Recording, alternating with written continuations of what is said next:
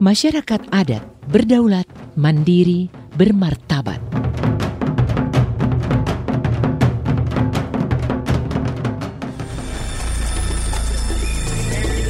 kebijakan yang telah dan sedang dan yang akan dilakukan serta hambatan dan tantangannya.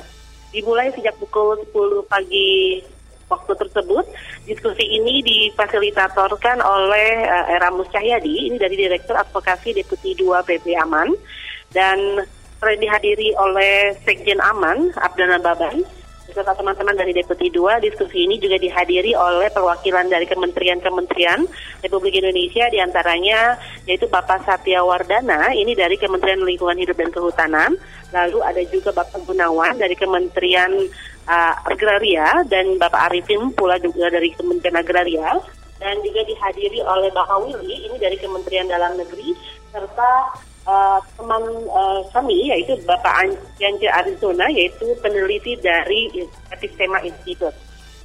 Diskusi ini rencananya juga akan terus berlangsung hingga pukul 5 sore nanti dan seperti yang diketahui bahwa putusan Mahkamah Konstitusi perkara nomor 35 pada 16 Mei 2013 tentang hutan adat menjadi satu titik penting dalam perubahan kebijakan negara terhadap masyarakat adat dan haknya atas wilayah adat di Indonesia. Dalam kurun waktu dua tahun putusan MK 35, pemerintah telah mengeluarkan berbagai kebijakan dan ketentuan pandangan uh, perundang-undangan maksud kami di antaranya adalah Undang-Undang Desa, Permendagri 52 tahun 2002, tahun 2014, Perber 4 uh, Menteri dan juga lembaga tentang tata cara penguasaan tanah yang berada di dalam kawasan hutan.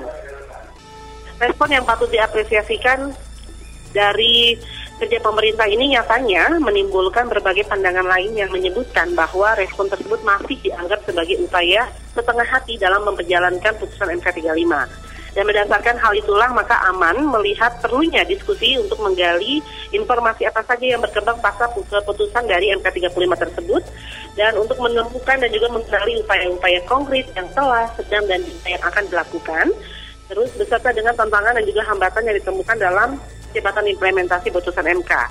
Tujuan lain dalam uh, diskusi ini terkait putusan MK 35 adalah untuk memetakan tantangan dan juga hambatan pelaksanaan putusan MK 35 tahun 2012 dan beberapa hasil yang diharapkan adalah adanya roadmap implementasi putusan MK 35 tahun 2012 dan dipetakannya tantangan dan hambatan pelaksanaan putusan MK 35 tahun 2012.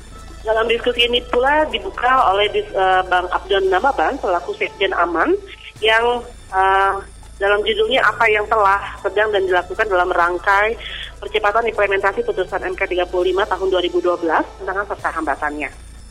Selama dua tahun lahirnya MK 35, ternyata Aman beserta masyarakat uh, hutan adat ini sudah melakukan yang di antaranya adalah masyarakat adat dan para pendukungnya membuat dan juga mencanangkan tanda tangan di lapangan untuk mengidentifikasi, untuk mengidentifikasi keberadaan hutan adat. Namun hingga kini dua tahun pasca putusan Mahkamah Konstitusi nomor 35 tahun 2012, pihak pemerintah yang diwakili oleh Kementerian Agraria dan Tata Ruang atau BPN tidak pernah hadir untuk menandakan hutan adat.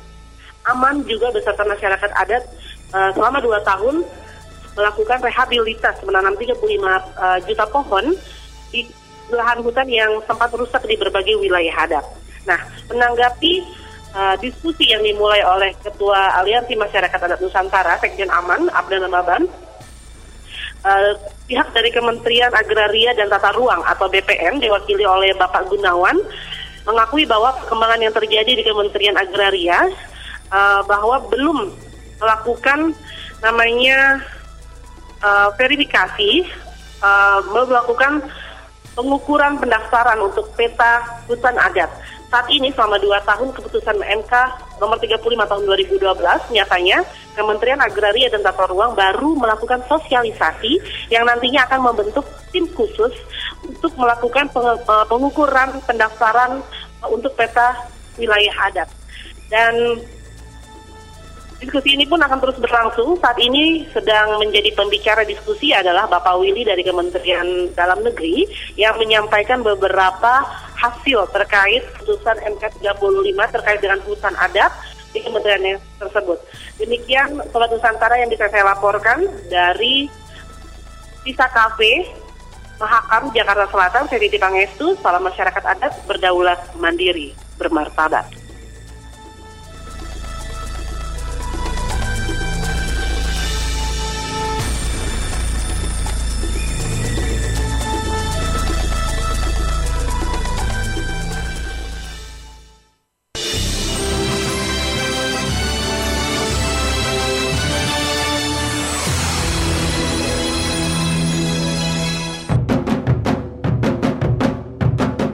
Masyarakat adat berdaulat, mandiri, bermartabat.